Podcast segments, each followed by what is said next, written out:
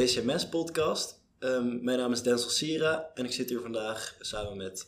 Met Thomas Adams. En Helena Jamalivar. En eh, we zitten vandaag vanuit VCMS Maastricht met uh, dokter Maarten Snoeis. En hij is vaatchirurg in het uh, MMC. Zou je jezelf willen voorstellen? Ja, dankjewel voor de uitnodiging. mijn naam is Maarten Snoeis. ik werk inmiddels dikke vijf jaar als vaatchirurg in het Maastricht Universitair Medisch Centrum. En ik hou me daar vooral bezig met vaattoegangschirurgie voor dialysepatiënten en als eh, epidemioloog ben ik ook eh, verantwoordelijk voor een aantal eh, landelijke onderzoeksprojecten op dit gebied. Nou, fijn dat u hier wilt zijn met ons vandaag. Als s ochtends nou uw wekker gaat voor een werkdag in het MUMC, heeft u dan een specifiek ochtendritueel? Nou, eigenlijk doe ik niet zo heel veel bijzonders ochtends. Ik ben al lang blij als ik mijn bed uit kan komen als die wekker gaat. En ja, dan maak ik het ontbijt klaar voor de kinderen en voor mezelf. En dan ga ik naar het ziekenhuis. En uh, hoe is uw studieperiode geweest? Ik heb in Maastricht gestudeerd, in 1998 hier begonnen en in 2005 afgestudeerd.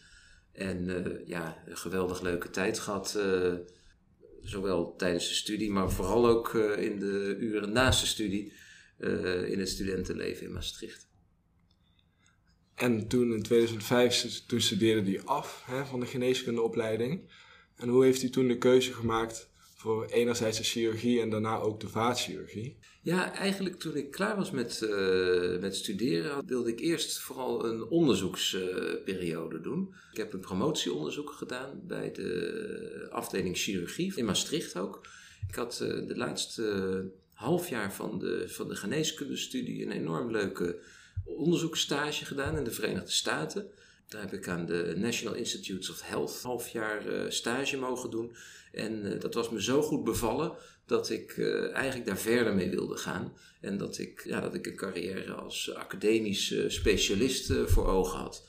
Dus ik heb eerst, een, eerst vier jaar onderzoek gedaan naar niertransplantaties. Allerlei aspecten daarvan, zowel met proefdieren, kleine, grote, dus metingen op de operatiekamer gedaan bij patiënten, epidemiologisch onderzoek terwijl dat bezig was, werd mij uh, min of meer gevraagd of ik niet ook een opleiding tot chirurg wilde gaan doen.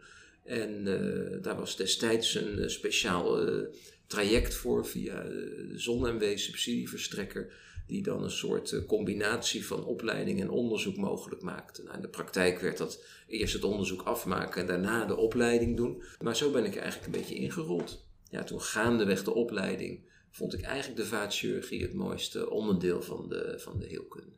Ja, wat ik heel interessant vond om te horen was die periode in Amerika. En dat was dan voor een chirurgie gerelateerde periode of voor onderzoek? Was Nee, dat was voor onderzoek. Het ging over nierkanker, dus eigenlijk uh, ja, een beetje urologisch misschien gericht. Daar was toen een nieuwe behandeling voor gevonden om dat met stamceltransplantaties te doen voor uitgezaaide nierkanker. En daar was één expert die daarover had gepubliceerd in de New England Journal of Medicine. En ik heb op een gegeven moment, ja, dat, dat, ik had er ergens van gehoord. En, het, uh, toen dacht ik, nou, laat ik die persoon maar eens aanschrijven. En zo is het balletje gaan rollen en ben ik uh, uiteindelijk een half jaar. Uh, heb ik daar in, aan het laboratorium onderzoek gedaan. En op zichzelf, dat onderzoek zelf stelde niet zo heel veel voor. Maar de hele sfeer binnen die, dat gigantische onderzoeksinstituut ja, dat was, uh, was zo stimulerend dat ik, ja, dat ik eigenlijk ja, door ben gegaan in die wetenschap en, en, en er na mijn opleiding tot specialist weer in Maastricht terug ben gekeerd om, en daar nu weer middenin zit. Ja. Dat is wel interessant om te horen, denk ik.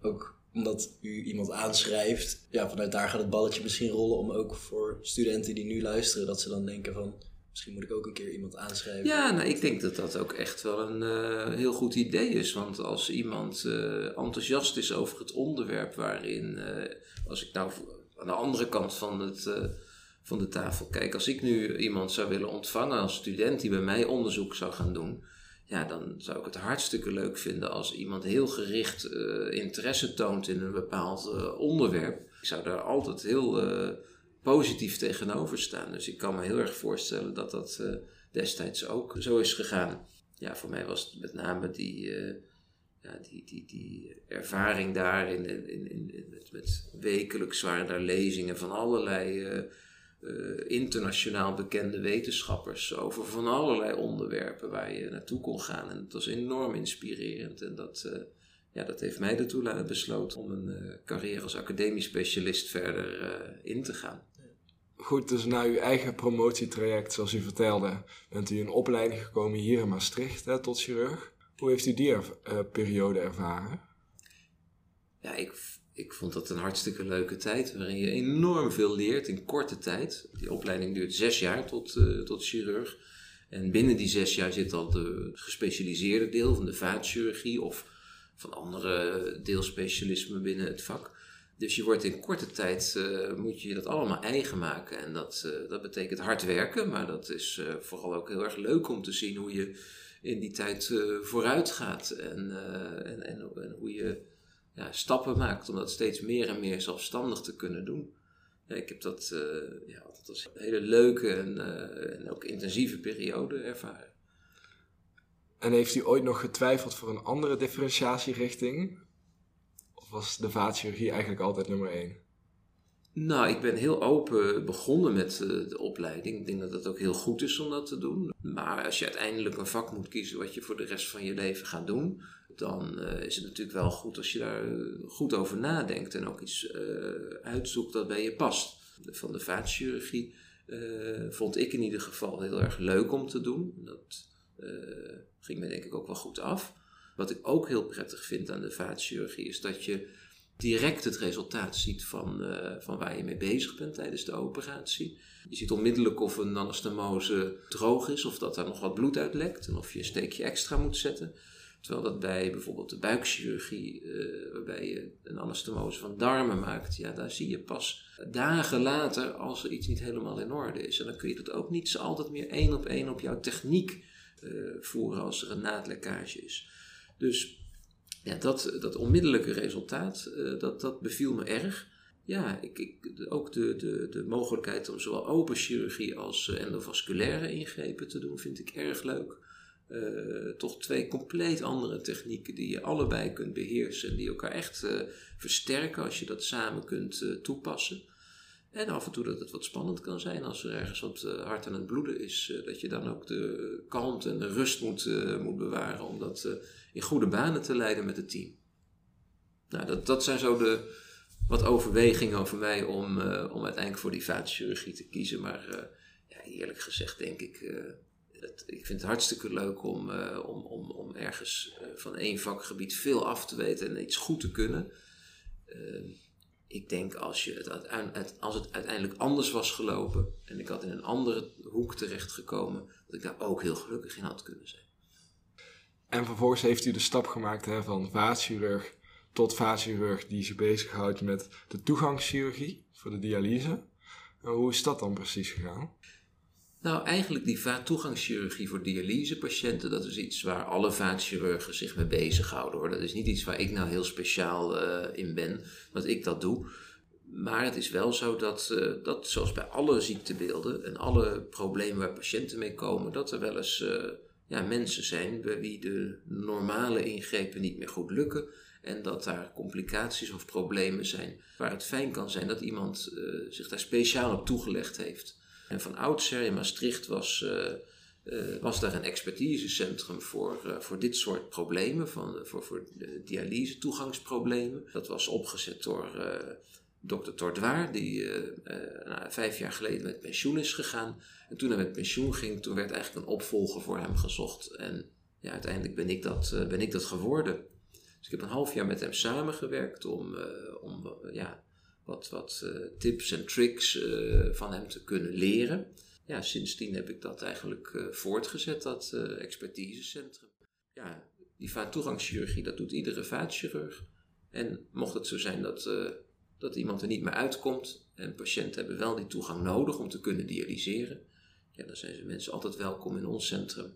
Dan doen wij ons best om ja, met misschien net iets meer ervaring en andere technieken toch een goede toegang voor die mensen te verzorgen.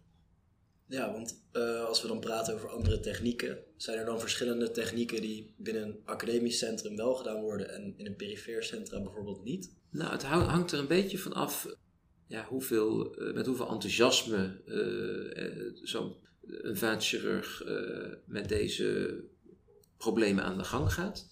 Ik denk dat het aanleggen van een vaattoegang. Kijk, de, er zijn een, aantal verschillende mogelijkheden voor die patiënten. Uh, we kunnen een, een, het gaat meestal om shunts in de arm. Dus een shunt betekent dat een vene aan een arterie wordt geanastomoseerd zodat er eigenlijk geen vaatweerstand meer is. Nou, daardoor gaat er heel veel bloed door die uh, venen stromen. En uh, daardoor zal die vene zich wat gaan ontwikkelen tot een wat groter en dikker bloedvat.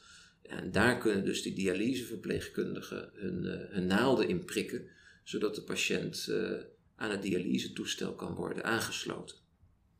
Nou, er zijn een aantal verschillende combinaties van aders en slagaders in de armen mogelijk. Die, dat zijn radiocephalica fistel, een brachiocephalica fistel en een brachiobasilica fistel. En die naam, dat is dus de arterie en de venen die op elkaar worden aangesloten. Nou, en die uh, operaties die zal, worden in ieder ziekenhuis in Nederland gedaan. Als je nou kijkt naar uh, andere opties, is dat we een kunststofbloedvat gebruiken. Dat doen we meestal als de eigen bloedvaten onvoldoende kwaliteit hebben ze te klein zijn en dat ze waarschijnlijk niet goed gaan ontwikkelen als uh, vaattoegang. En we kunnen een dialyselijn uh, plaatsen. Ook die ingrepen die worden eigenlijk in alle ziekenhuizen in Nederland gedaan. Maar als het bij herhaling niet lukt, omdat dingen niet, dat, dat shunts dicht gaan zitten of dat die ader zich niet goed ontwikkelt, ja, dan kan het nuttig zijn om, om eens een second opinion aan te vragen. En daar zijn wij altijd toe bereid in Maastricht. Het kan ook zijn dat we geconfronteerd worden met complicaties van die vaattoegangen. Het kan wel eens zo zijn dat uh, er handischemie optreedt. Dat er zoveel bloed door die shunt heen gaat dat er te weinig bloeddruk voor de hand overblijft. Nou, mensen kunnen dan pijn krijgen in hun hand of kunnen wonden spontaan ontstaan aan de vingers. Dat zijn al wat ingewikkeldere problemen, waarbij er ook voor de patiënt natuurlijk veel op het spel staat als, de, als hij zijn hand of zijn vingers dreigt te verliezen. Wat ook kan zijn, is dat de afvoer van het bloed in de borstkas niet in orde is. Door de dialyselijnen, die, die, die worden geplaatst in de grote aders in de borstkas. En als gevolg van zo'n lijn kan er wel eens littekenvorming in die grote aders ontstaan. En die kunt er ook helemaal dicht van gaan zitten. Nou, meestal als je geen, geen shunt in, je, in, in de arm hebt, levert dat niet zoveel problemen voor de patiënt op. Want dat bloed vindt zich wel een weg naar het hart terug via wat, uh, wat, wat collateralen. Je ziet dan vaak wat spataders ontstaan op de borstkas, maar dat is meestal niet zo'n probleem. Op het moment dat er dan wel een shunt geplaatst wordt, of als er een shunt geplaatst moet gaan worden, ja, dan kun je wel serieus in de problemen komen, want dan gaat er opeens veel meer bloed door die arm stromen en dat bloed kan geen kant op. Dus je, dat stapelt, eh, je krijgt veel stuwing in de, in de arm als dat uh, gebeurt. Dat zijn situaties die niet zo vaak voorkomen, en die wel ja, een speciale benadering vragen, waarbij verschillende behandelmogelijkheden geschikt kunnen zijn. En ik denk dat niet ieder ziekenhuis daar zoveel ervaring mee heeft. En dan kan het soms wel eens goed zijn om ja, die ervaring op te zoeken. En wij hebben daar dus de mogelijkheden voor in Maastricht. Ja, wij lazen op de website van het MUMC dat u ook bezig bent met de ontwikkeling van nieuwe technieken onder echo-geleide vistelvorming, begreep ik. Ja, je doet me nou iets te veel eer uh, aan. Ik, ik heb eigenlijk dat niet zelf ontwikkeld. Uh, dat is een bedrijf in Amerika geweest die dat, die dat heeft gemaakt. Dat is vervolgens verder ontwikkeld door een collega van mij in Parijs, Alexandros Malios. En die heeft, ja, via hem ben ik er eigenlijk mee in aanraking gekomen. En hij heeft hier ook de eerste patiënten samen met mij behandeld. Het gaat erom dat, uh, ja, we hadden het net al even over, dat als je zo'n zo autologe arterioveneuze shunt uh, maakt, waarbij je dus eigen bloedvaten op elkaar aansluit. Dat is van oudsher werd dat altijd gedaan met uh, draad en naald, met een open chirurgische benadering. waarbij je een sneetje maakt, meestal onder de elleboog of in de pols, om dan de venen en de arterie vrij te leggen en dan die op elkaar aan te sluiten. op zichzelf geen grote ingreep, maar ja, regelmatig zag, zie je er toch problemen van dat die shunt niet helemaal goed ontwikkelt. Ja, dat gaf toch aanleiding voor mensen om eens te kijken of dat niet op een andere manier zou kunnen. Ja, er zijn nu eigenlijk twee bedrijven die, uh, die daar een endovasculaire techniek voor hebben ontwikkeld. Eén techniek werkt helemaal op basis van echo. En de andere, daar is röntgendoorlichting en contrast voor nodig. En beide zorgen ervoor dat je dus een vene en een arterie die van nature heel dicht bij elkaar liggen, dat je die op elkaar aansluit met een endovasculair device. Ik moet zeggen dat de resultaten, we hebben dat in Maastricht een aantal jaar, ik denk drie of vier jaar geleden, voor het eerst in Nederland gedaan. Technisch is dat allemaal hartstikke leuk en het gaat hard, uh, werkt prima. Uh, het is wat lastiger om die shunts bruikbaar te krijgen dan wanneer we die met een normale operatieve techniek aanleggen. En het kost een boel meer geld. Dus er zijn een paar nadelen toch aan die techniek te uh, verbinden, waardoor ik het niet uh, direct als standaard operatie doe. Wat je wel ziet is dat op de lange termijn de cosmetiek ongelooflijk mooi is. Uh, en dan gaat het niet per se om dat sneetje in de elleboog of in de pols die mensen missen. Maar zo'n shunt die ontwikkelt zich na verloop van tijd bij, patiënten vaak enorm. Uh, dat worden enorme bobbels en uh, bulten die je op de arm ziet waar die mensen geprikt worden. En grappig genoeg zie je dat bij deze minimaal invasieve techniek veel minder. Dan blijft tot jaren na de operatie eigenlijk uitwendig heel weinig te zien, behalve de prikgaatjes van de dialysenaalden. Dus dat is wel echt een groot voordeel. Ik denk dat het vooral voor jongere patiënten en vrouwen die toch vaak daar bezwaar tegen hebben, die mensen om hen heen zien op een dialyseafdeling met, uh, met, met, met, die heel uitgesproken te zien zijn. Uh, dat het voor die mensen een hele goede techniek is. Dat is de ellipsis techniek die wij gebruiken in Maastricht en nog een aantal andere ziekenhuizen in Nederland. En de wavelink techniek is het andere apparaat wat door een andere firma wordt uitgebracht. Ja, want wat te lezen viel in het artikel was dat uh, ongeveer 25% van de patiënten in aanmerking kwam voor de techniek. Waar is die 25% dan op gebaseerd? Wie, welke patiënten komen daarvoor in aanmerking? Ja, het is eigenlijk een, uh, als je, als, we hebben het dan over de ellipsis techniek, dat is degene die er nu in Nederland wordt uitgevoerd. Bij mijn weten wordt die andere wavelink techniek niet in Nederland uh, toegepast op dit moment. Bij die ellipsis techniek, daar wordt uh, eigenlijk een, uh, een naald via, wordt ingebracht in de vena cubiti media, in de elleboog, eigenlijk waar je ook normaal een bloedafname zou doen. En uh, die naald die beweeg je met, onder, onder echogeleiding door dat bloedvat tot het moment waar die vene vlak bij de arteria radialis zit. Net na de splitsing van de brachialis in de arteria radialis en ulnaris, net onder de elleboog. Van nature zitten daar die venen en arteria super dicht bij elkaar. En daar kun je dus met die naald vanuit de venen in de arterie prikken. Nou, dat is het enige lastige stukje van die ingreep. En ja, als je wat gewend bent om echogeleid bloedvaten aan te prikken, en ik denk dat de meeste vaatchirurgen dat uitstekend kunnen doen, dan is dit absoluut een stap die, die haalbaar is. Nou, als je de eenmaal die toegang hebt, dan kun je vervolgens een uh, voerdraadje inbrengen en over die voerdraad een apparaatje dat die twee, die venen en die arteriewand tegen elkaar aandrukt en dan met hitte een anastomose maakt. Dan gaat dat bloed vervolgens via de normale venen uh, in de arm stromen. Dus het is wel belangrijk dat er een oppervlakkige vene is die, uh, waar uiteindelijk die dialyseverpleegkundige de naalden in kan prikken. Dus dat zal dan de vena cephalica in de bovenarm zijn. Die mensen die komen in aanmerking voor deze techniek. Dus de mensen die normaal gesproken een brachiocephalica fistel zouden krijgen. Meestal zijn dat, hebben mensen als ze geschikte arterie en veen hebben voor een polsfistel, krijgen ze die eerst, die vallen af. Mensen die een ongeschikte venecephalica aan de bovenarm hebben, vallen ook af, want dan ontwikkelt de uh, niet meer goed. En als je vena basilica moet gebruiken, die ligt wat dieper, die moet helemaal naar de oppervlakte gehaald worden. Als je die operatie gaat doen, dan heeft het in mijn ogen niet heel veel meerwaarde om dan de anastomose met die endovasculaire techniek te uh, maken. Dus dat zorgt ervoor dat het uh, ja, dus eigenlijk een vervanging is voor de brachiocephalica fistel. En de, de merendeel van de mensen die daarvoor in aanmerking komt, die, die kan zo'n ellipsis fistel hebben. Dan kom je uiteindelijk op ongeveer een kwart van alle mensen ontwikkelingen. En wij hebben al eerder gehoord dat u uh, nou betrokken bent bij onderzoek. En daar komt natuurlijk veel bij kijken. Um, hoe zorgt u ervoor dat de kwaliteit van het onderzoek uh, hoog blijft? Ja, ik vind dat echt een hele goede vraag. En ik denk dat het belangrijkste ding daarbij is, is om vooral van tevoren heel goed na te denken over wat je gaat doen. Dus de voorbereiding van zo'n onderzoek, daar moet je echt veel tijd en aandacht aan besteden.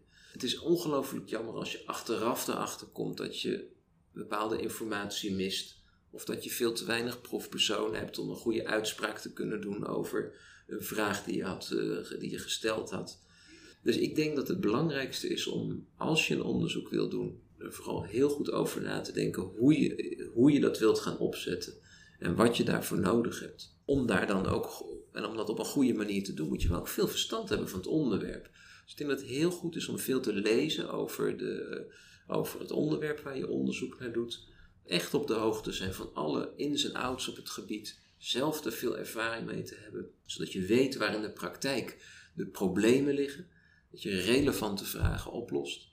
En ook denk ik dat het goed is als je kennis hebt van eh, epidemiologie en statistiek, zodat je, ja, dat je een optimaal onderzoeksdesign kunt uitzoeken om, uh, ja, om jouw uh, onderzoek tot een goed einde te brengen. En in veel gevallen, als je wat grotere onderzoeken gaat doen, waar verschillende centra mee bij betrokken zijn, is het ook ongelooflijk belangrijk om samen te werken. En, dat je, en, en, en ervoor te zorgen dat de verschillende ziekenhuizen die bij het onderzoek betrokken zijn, dat, die, dat je daar goede contacten mee onderhoudt. En met wat voor onderzoeken bent u momenteel bezig?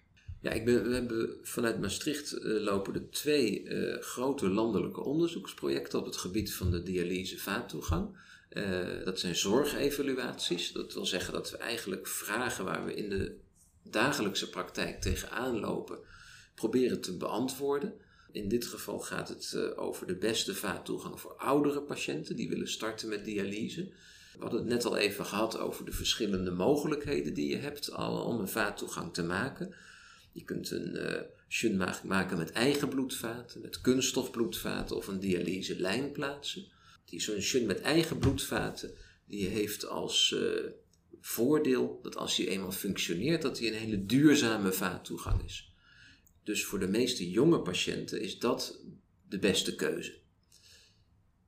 Maar het nadeel is dat het vaak wel eens wat langer kan duren voordat hij goed ontwikkelt. En dat loopt ook niet altijd even gemakkelijk. Soms zijn er nog extra behandelingen voor nodig om, die, om zo'n shunt met eigen bloedvaten op gang te brengen. Nou ja, voor oudere patiënten, die hebben vaak maar een hele beperkte levensverwachting.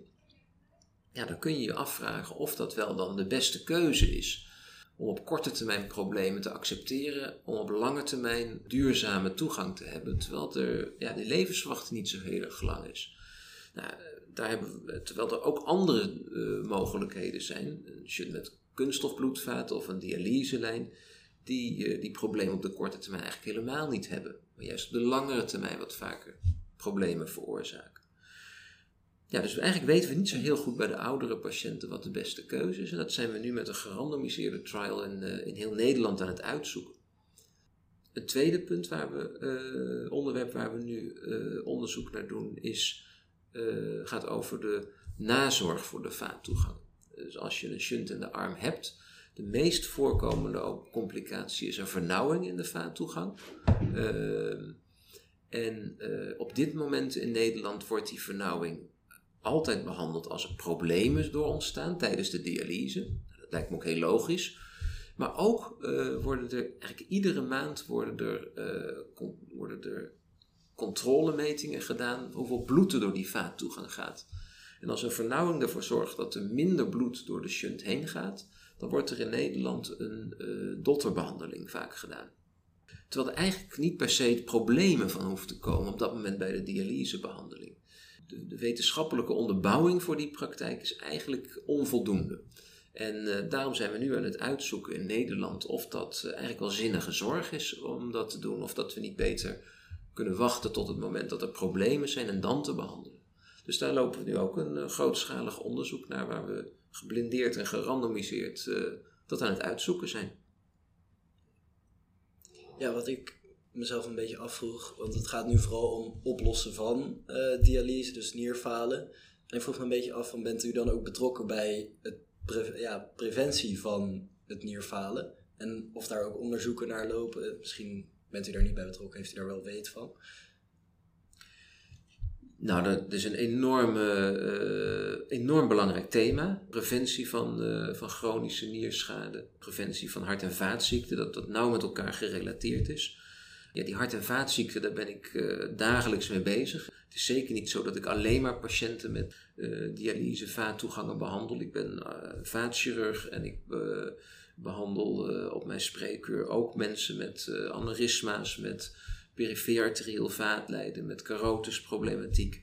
En bij die mensen is dat enorm belangrijk om, om ervoor te zorgen dat het, het cardiovasculaire risico zo laag mogelijk blijft. De behandeling van chronische nierschade, dat is iets wat, wat toch echt bij de internist en de nefroloog met name ligt. Daar werk ik uiteraard heel uh, nauw mee samen. Maar die, die, die fase voordat patiënten nierinsufficiënte eindstadium nierfalen krijgen, dat, dat, dat blijft toch echt bij de nefroloog liggen. Dus die, uh, die ziet die mensen vanaf een GFR van ongeveer 30 milliliter per minuut uh, heel frequent. En probeert dan medicamenteus dat uh, zo lang mogelijk stabiel te houden. En als mensen ja, echt in het, in het eindstadium komen, dan zijn er nog speciale nierfalen polyklinieken voor met een multidisciplinaire aanpak. Met diëtisten, maatschappelijk werker en dialyseverpleegkundigen om mensen voor te bereiden en voor te lichten op, het, uh, op, de, op de nierfunctievervangende behandeling. Maar daar ben ik als uh, vaatchirurg niet direct bij betrokken. Wel bij andere aspecten van die nierfunctievervangende behandeling. Want uh, bijvoorbeeld ook bij niertransplantaties, wordt, die worden in Maastricht door de afdeling vaatchirurgie gedaan. En het verzorgen voor de katheters voor peritoneaal dialyse komt ook bij ons, onze afdeling terecht. Het verschilt een beetje in het land wie daarvoor verantwoordelijk is, maar wij hebben ervoor gekozen om het allemaal bij onze afdeling te centreren. Nou, u bent als academicus dus bezig met onderzoek. Participeert u ook in onderwijs voor de geneeskundestudenten? Ja, zeker. Dat hoort er absoluut ook bij. Uh, ik denk dat iedere, iedere specialist die in het uh, academisch ziekenhuis werkt... wel op een of andere manier betrokken is bij het uh, onderwijs voor de geneeskundestudenten.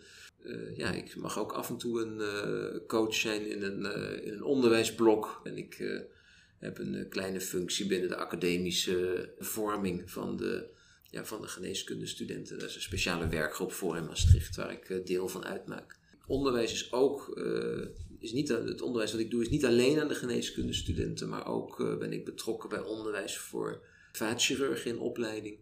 Ja, dan richt ik me opnieuw op die vaattoegangen voor de dialysepatiënten om mensen daar op een goede manier in te trainen en onderwijs in te geven naast de vaatchirurgie uh, onderzoek en onderwijs bent u ook nog betrokken bij de European Vascular Course.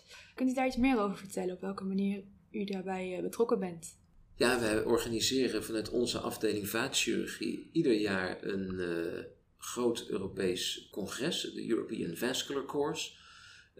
dat is ook deze, dit jaar weer 5, 6, 7 maart ja, daar, daarvoor binnen, dat, binnen die cursus ben ik verantwoordelijk voor het vaattoegangsonderdeel. Uh, andere collega's van mij uh, zijn verantwoordelijk voor het veneuze onderdeel, het arteriële en het cardiale deel van het congres.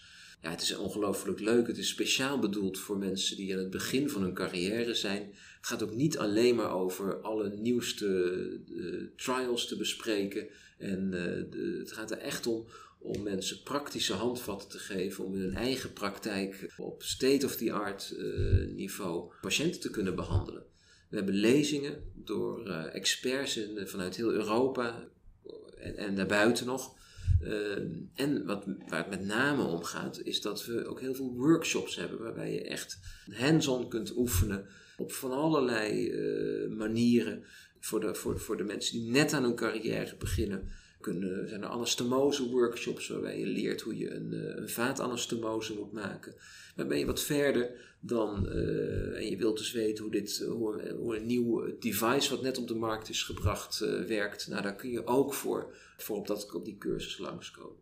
Ja, en u organiseert dan ook het vaattoegangssymposium. Ja, waar moeten we dan aan denken, aan dat symposium? Ja, dat is een, een dag die, die we speciaal voor dialyseverpleegkundigen organiseren. Uh, want we merken dat uh, ja, het is echt multidisciplinaire zorg, uh, waarbij de dialyseverpleegkundige ook echt een heel belangrijk speler is in het, in het zorgen voor de, die patiënten.